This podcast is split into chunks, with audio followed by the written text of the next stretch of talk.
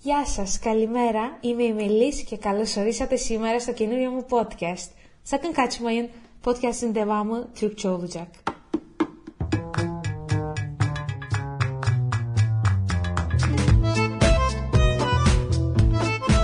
Herkese tekrar merhaba. Bugün Yunanca bir giriş yaptım. Çünkü e, Yunanca'dan bahsedeceğiz. Yunanca'yı nasıl öğrendim, neden öğrendim, e, Yunanistan göçmeni miyim? Konu niye buralara geldi? Nasıl böyle iyi konuşuyorum tırnak içinde? Aksanım neden bu kadar iyi? Nasıl bu kadar iyi? Bunun gibi bana çok uzun zamandır sorulan bazı sorulara cevap vermeye gayret edeceğim. Benim de çok paylaşmak, anlatmak istediğim bir konu, keyif aldığım bir konu konuşmakta. Bunun için birazcık neden böyle bir şey anlatacağım? Hani bilmeyenler için onu söyleyeyim. Şu anda 27 yaşındayım ve aşağı yukarı 10 senedir akıcı Yunanca konuşuyorum. Genelde işte dikkatli konuştuğumda Yunan biri Yunan olmadığımı anlamıyor. Aksanım iyidir açıkçası. Ee, bunu nasıl başardığımı, nelere dikkat ettiğimi anlatmak istiyorum. Yine YouTube üzerinden e, beni kanalım biliyorsanız Melerence ismindeki kanalı. Orada bazı Türk yemeklerini Yunanca olarak anlattığım videolar var. Onların altına da çok kişi soruyor nasıl öğrendiniz Yunanca işte Batı Trakya'dan mısınız vesaire diye. Bu nedenle bilmeyenler için e, bu konuyla bugün karşınızda olacağım. Tabii ki benim anlatacağım şeyleri siz farklı bir yabancı dil içinde gayet güzel uygulayabilirsiniz diye düşünüyorum. Aynı zamanda bu biraz böyle bir hikaye anlatımı gibi olsun istiyorum. Çünkü konunun en başına gideceğiz bugün. E, benim Yunanca ile ilgili hatırladığım ilk şey 4-5 yaşlarındayken ünlü bir Rum sanatçı var Türkiye'de Fedon isminde belki bilirsiniz. Onun herhalde çok böyle popüler olduğu bir dönemdi ki bizde kaseti vardı ve e, abimle onu dinlediğimizi hatırlıyorum. Böyle yüksek siyah bir teyip vardı evde. İlk görüntü Yunanca ile ilgili hayatımda bu. Lakin herhangi bir duygu hatırlamıyorum. İşte iyi hissediyordum, müzikler çok güzeldi falan gibi bir şey hatırlamıyorum. Ardından 7-8 yaşlarındayız. Ee, İzmir'de oturuyoruz o dönem ve halamın e, Çeşme'de bir mağazası vardı. Yaz kış orada yaşıyordu. Biz de devamlı oradaydık o yüzden. Orada kendisinin böyle bir sarı, cart sarı bir kulaklığı vardı. Radyo dinleniyordu ondan. Ee, o radyoda Çeşme'ye Sakız Adası çok yakın. Yunanca radyolar, şarkılar çıkıyordu sık sık. Öncelikle onları aradığımı hatırlıyorum. Kulağımda kulaklık. Hani Türkçe radyo, cezede Türkçe radyo, Türkçe, ah Yunanca radyo buldum falan gibi. Ve müzikleri çok sevdiğimi hatırlıyorum. Burada duygu var bu defa. Ee, bu birincisi. İkincisi de bana şu an bile ada e, fikri, adalı olmak, adada yaşamak, yani adaya gitmek, adadan geri dönmek. Bunlar böyle çok e, farklı duygular verir. Hatırlıyorum o zaman da biraz garip bir çocukmuşum demek ki 7-8 yaşına göre ki şeyi düşündüğümü hatırlıyorum. Çeşme kıyılarında mesela karşıda Sakız Adası dağları zaten görüyorsunuz. Çok net görüyorsunuz. Eğer temiz bir hava varsa, açık bir hava varsa karşı adadaki evlerin beyazlıklarına kadar, evlere kadar seçebileceğiniz kadar yakın. Ve ben oraya sabahları bakıp çok balık tutmaya giderdik. Kuzenlerim, babam, kardeşim vesaire. E, Turgut Reis'e giderdik biz bilenler için. Dalyan'da, limanda yaşıyordu halam. Liman, limanda yaşıyordu. E, evi limana çok yakındı.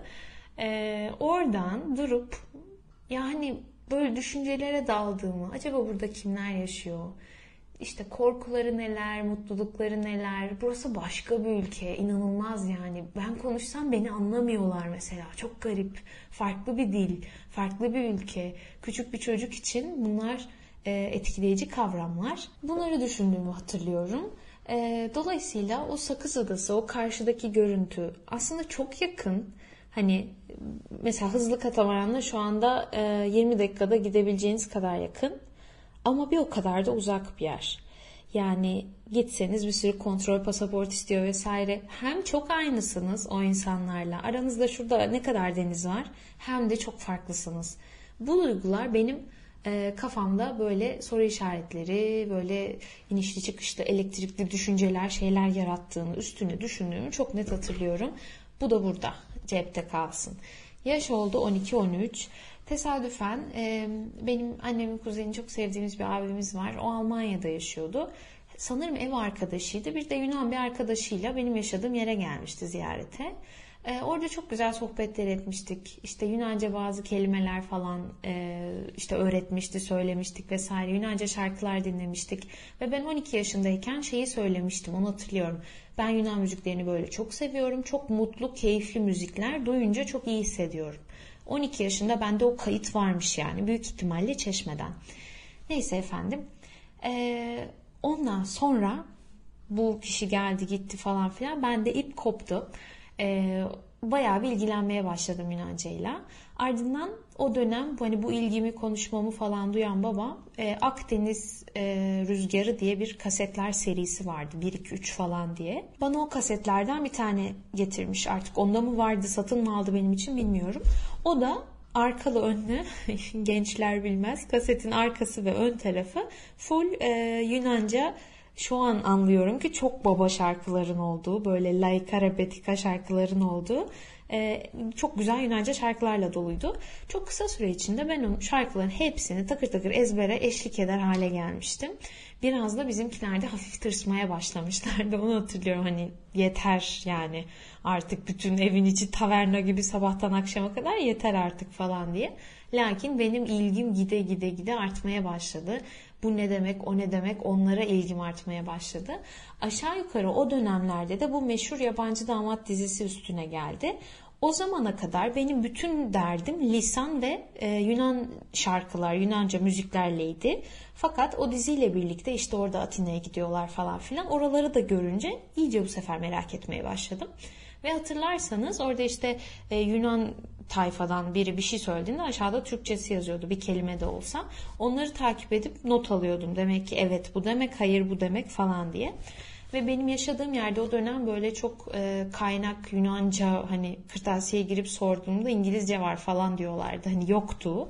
İnternet de bu kadar e, şey değildi, el altında değildi. E, ve ben İstanbul'a gittiğimiz bir dönemde Azmi Aksoy'un Yunanca yayınları meşhur olan bir yazar e, bir e, turist konuşma kılavuzunu almıştım. Gramer kitabı falan da yoktu o dönem. Ve ben hep şey derim o kitap şu anda şey gibi böyle köpek parçalamış gibi yani bayağı sayfalar yırtık falan artık nasıl çalıştıysam onun üstünde benim Yunanca'yı ilk geliştirmem o kitapla olmuştu ve bu bir turist rehberi yani hani e, bir ders anlatmıyor. İlk başında böyle ufak bir kurallar falan vardı. Ben onu ders çalışır gibi alıyordum. İşte okunuş yazıyor.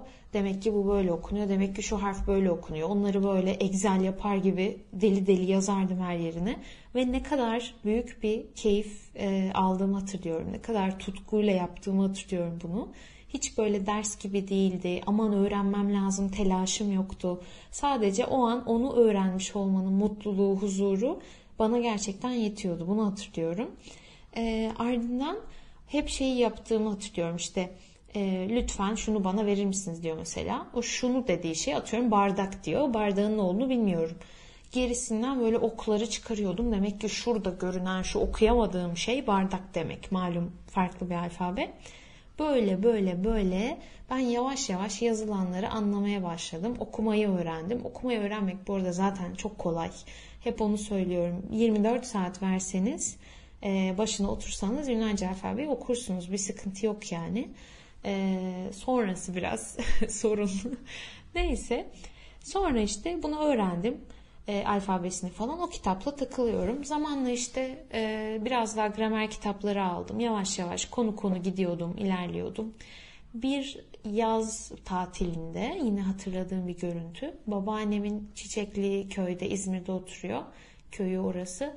Oraya gittiğimi tatile e, ve böyle işte çok hani boş zamanında böyle ütü masasını koltuğun önüne çekip orayı masa gibi kullanıp bütün kitaplarımı yığıp Yunanca kitaplarımı geçmiş zaman çalıştığımı hatırlıyorum mesela.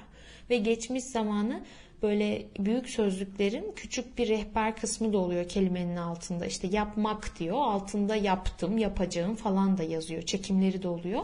Oradan çalışıyordum yani. Çok yokluk aslında ama insanın işte isteği tutkusu olunca hiçbir şey değil. Bahane bulmuyorsunuz. Ne varsa onu yapıyorsunuz elinizde. Ee, onu hatırlıyorum. Yani böyle bir çok uzun yıllar bu şekilde yaşadım. Bu tutkuyla, bu böyle güzel hislerle. Bu bana çok şey yapıyordu.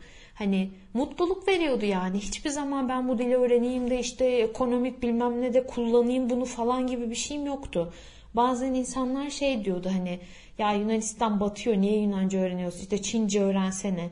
Hani bu öyle bir şey değil diyordum ya da işte 13 milyon kişi konuşuyor niye bunu öğreniyorsun?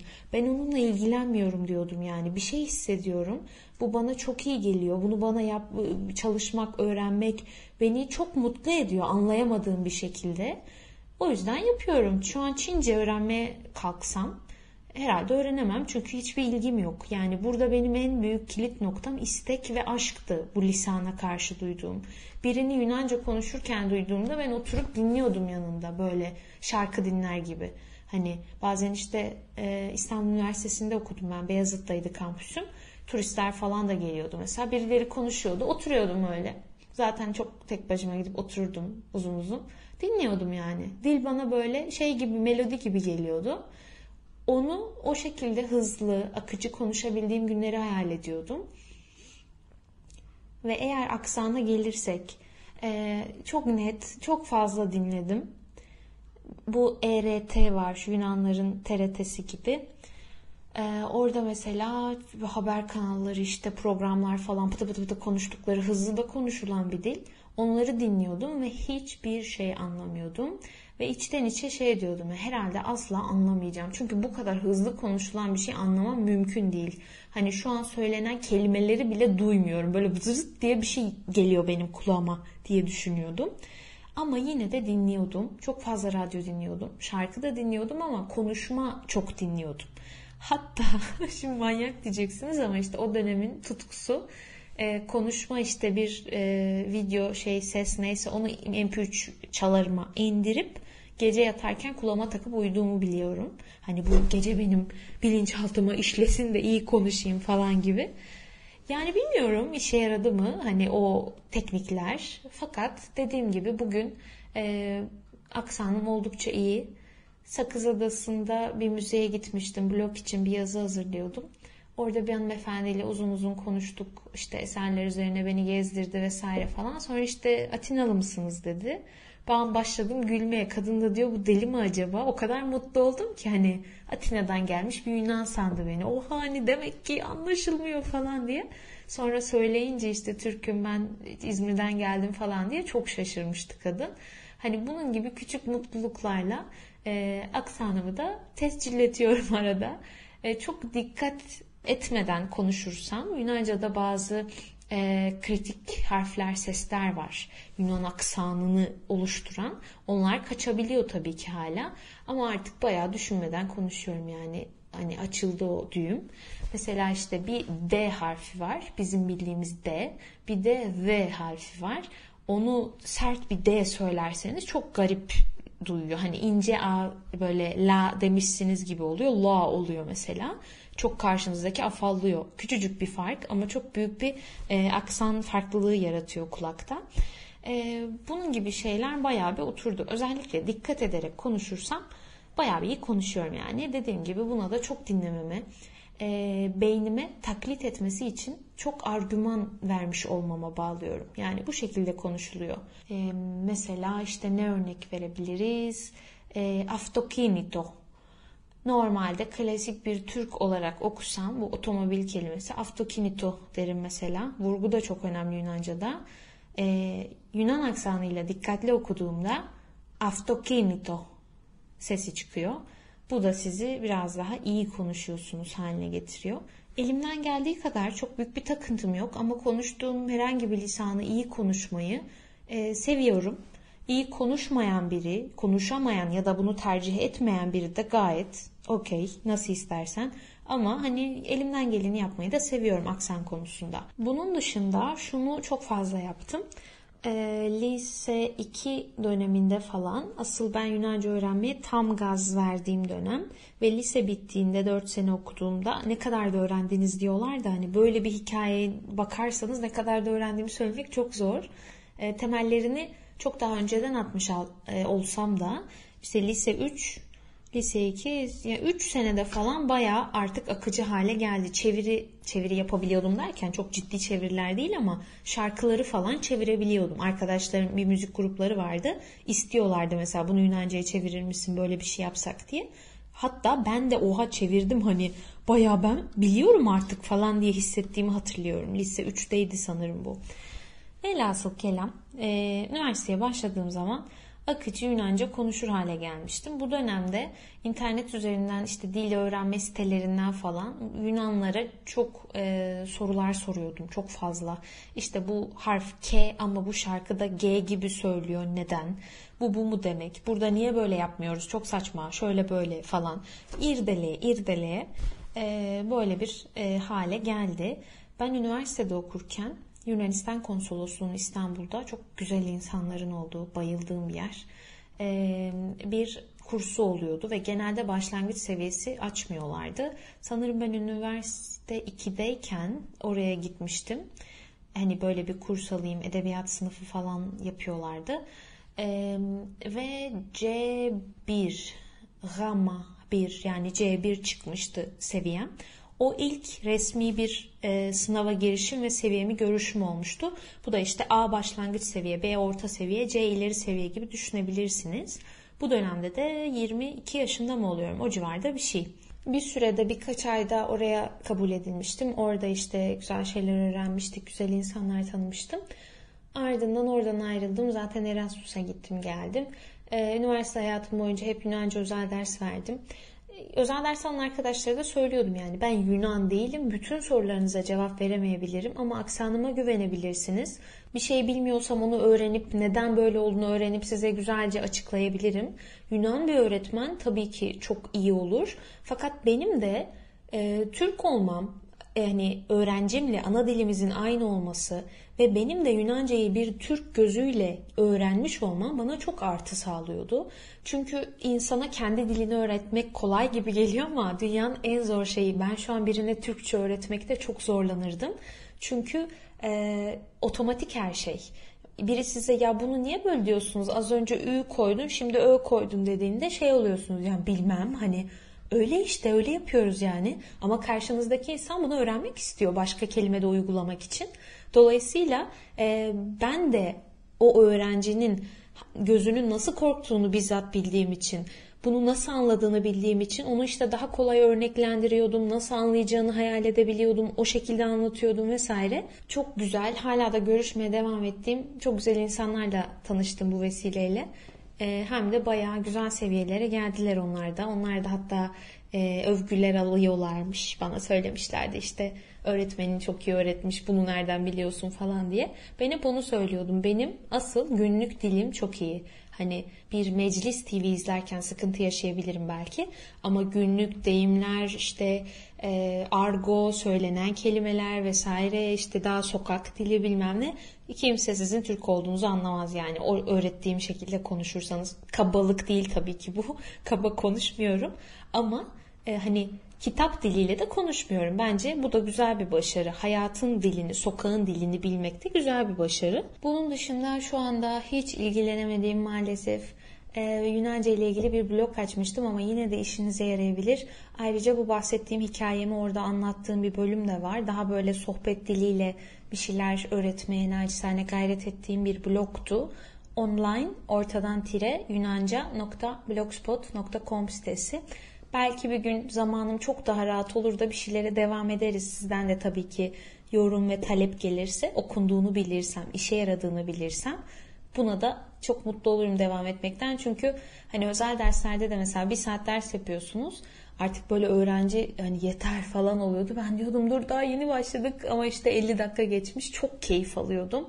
O dönemde şeyi çok iyi anlamıştım. Hani sevdiğiniz işi yapın mottosu var ya gerçekten su gibi akıp geçiyordu zaman. Ee, çok keyifli bir şeydi yani benim için. Velhasıl kelam sanırım e, böyle Yunanca hikayem. Şu anda işte çeviri yapmaya devam ediyorum.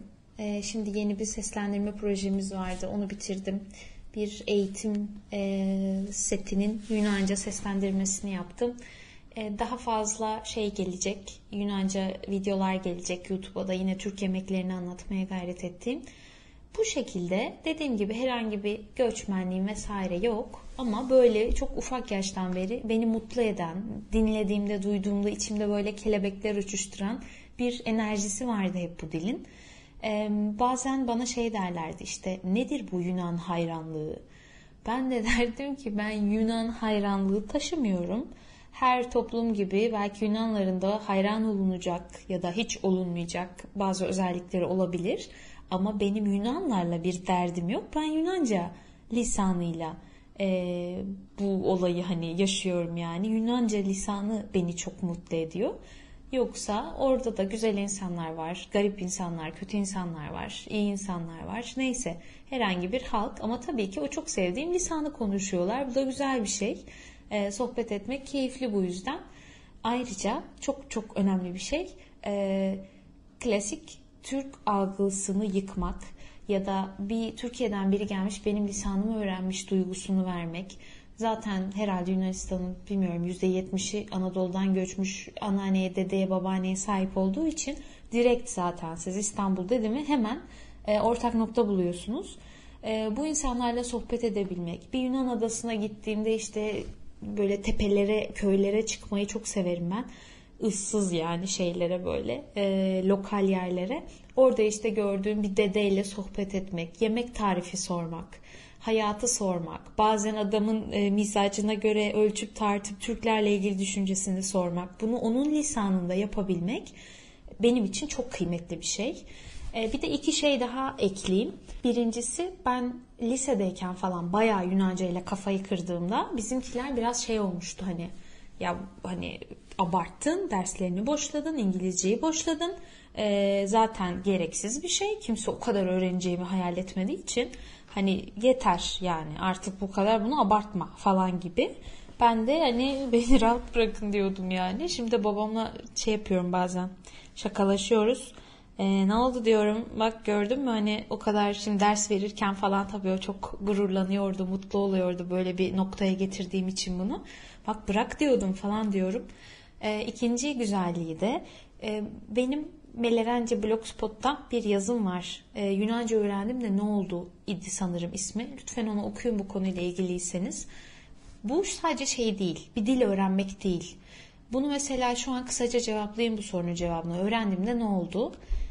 Bir, bir kültür daha her şeyine kadar dediğim gibi yemek kültürü, e, yaşlılarla sohbet, gençlerle sohbet, belki neye inandığından tam olarak emin olmayan işte böyle ırkçı bir Yunan'la sohbet ve fikirlerinin değişme raddesine gelmesi çok şahane bir şey sohbet edebilmek. Yunanca, antik Yunanca e, background'u da arkası da olan çok geniş, çok eski, yüce bir dil bence lisan dünyasında. Bu yüzden mesela e, ekonomi kelimesi ikos ve nomos kelimelerinin birleşmesiyle çıkmış. İkos eski Yunanca'da ev demek, hane demek. Nomos da e, hukuk, kanun yani ev ka ev hukuku falan gibi bir şey. Aslında tasarruf gibi bir kelime yani ekonomi. Ya da mesela çok hoşuma giden şeylerden biri nostalgia, nostalji, özlem. E, nostos, vatan demek algos kelimesi de ağrı, acı, sızıdan geliyordu. Yani vatan hasretini bayağı hasret olarak, özlem olarak mesela kullanıyorlar. Bunlar beni çok heyecanlandırıyor. Ee, onun dışında lisede özellikle biyoloji derslerinde yani sayısız derecede hiç cevabı bilmediğim halde kelimenin kökünü Yunancasını bildiğim için ne olduğunu mesela pediatri, pedi çocuk demek, yatros doktor demek, her şey çok geniş bir lisan, çok geniş bir e, kültür kazandırıyor size. Yani müthiş bir şey. Benim büyük ihtimalle çok fazla insanla tanışmama, birçok insanın benimle tanışmak istemesine, nasıl yaptın, ne ettin, ben de işte göçmenim şöyle böyle sohbetleriyle çok güzel insanlar tanımama. İddia ediyorum ki birçok e, iş başvurusuna orada Yunanca çok iyi yazdığı için çağrıldım. Ki çoğunda bir sürü de bunun sohbeti muhabbeti geçti. Görüşme bittikten sonra başlıyorduk Yunanca nereden falan diye. 10 dakikada onu konuşuyorduk. Ee, dolayısıyla bu bana çok fazla şey kattı. Ki bir insanın lise döneminde yapabileceği en güzel şeylerden biri İngilizcenin yanında bir dil daha öğrenmek bence. Düşünsenize yani 18 yaşındasınız ama işte İngilizce ve Yunanca biliyor ve kendi öğrenmiş falan ya da işte Almanca biliyor neyse. Bu sizinle ilgili de çok şey söylüyor. Bu sizinle ilgili diyor ki demek ki bu kız bir şeyi kafasına takarsa yapıyor. Böyle bir dili bile öğrenmiş. Demek ki bu kız bu işin de altından kalkar mesela. Sizinle ilgili çok şey gösteriyor. Yani bu sadece bir lisan değil, e, uzun lafın kısası. E, sanırım böyle. Yani çok uzun yılları hayatımın bu konuyla hani geçti yani. Hep bu vardı. Hep Yunanca öğrendin. O iş geldi, bu iş gitti. İşte şarkıcılar, şular bular, konsere git, konser var. Hep böyle bir Yunanca bulut vardı hayatımda.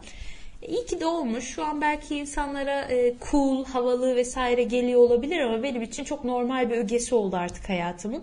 Böyle de bir, bir, kimliğim daha var benim öyle hissediyorum. Çünkü bambaşka bir dünya açtı bana bu lisanı öğrenmek ve bu serüven kendimi de daha iyi tanımama vesile oldu. Küçük yaşta hani hatırı sayılır bir şey başardığım için düşününce e, başka şeyleri de başarabilirim duygusunu kazandırdı bana. E, dolayısıyla İyi ki öğrenmişim. Lisan öğrenmeyi zaten çok seviyorum. Ee, süreklilik, tutku, aşk, istek hiç bahane e, yer yok yani. Bunlara sahip olduğunuz zaman bahane zaten bulmazsınız istediğiniz bir şey yaparken. Dolayısıyla bana yazan birçok arkadaş var Yunanca öğrenmek isteyen, e, daha iyi konuşmak isteyen vesaire. Bunlar e, benim yaptıklarım, benim hikayem. Yine hiçbir not almadan bir konuşma yapmak istedim. Çok böyle robotik bir sohbet olmasın diye. E, dilerseniz farklı sorularınız olursa bu podcastler Spotify'da, Apple'da ve YouTube üzerinden yayınlanıyor. YouTube'dan bir soru sormak isterseniz her zaman yazabilirsiniz.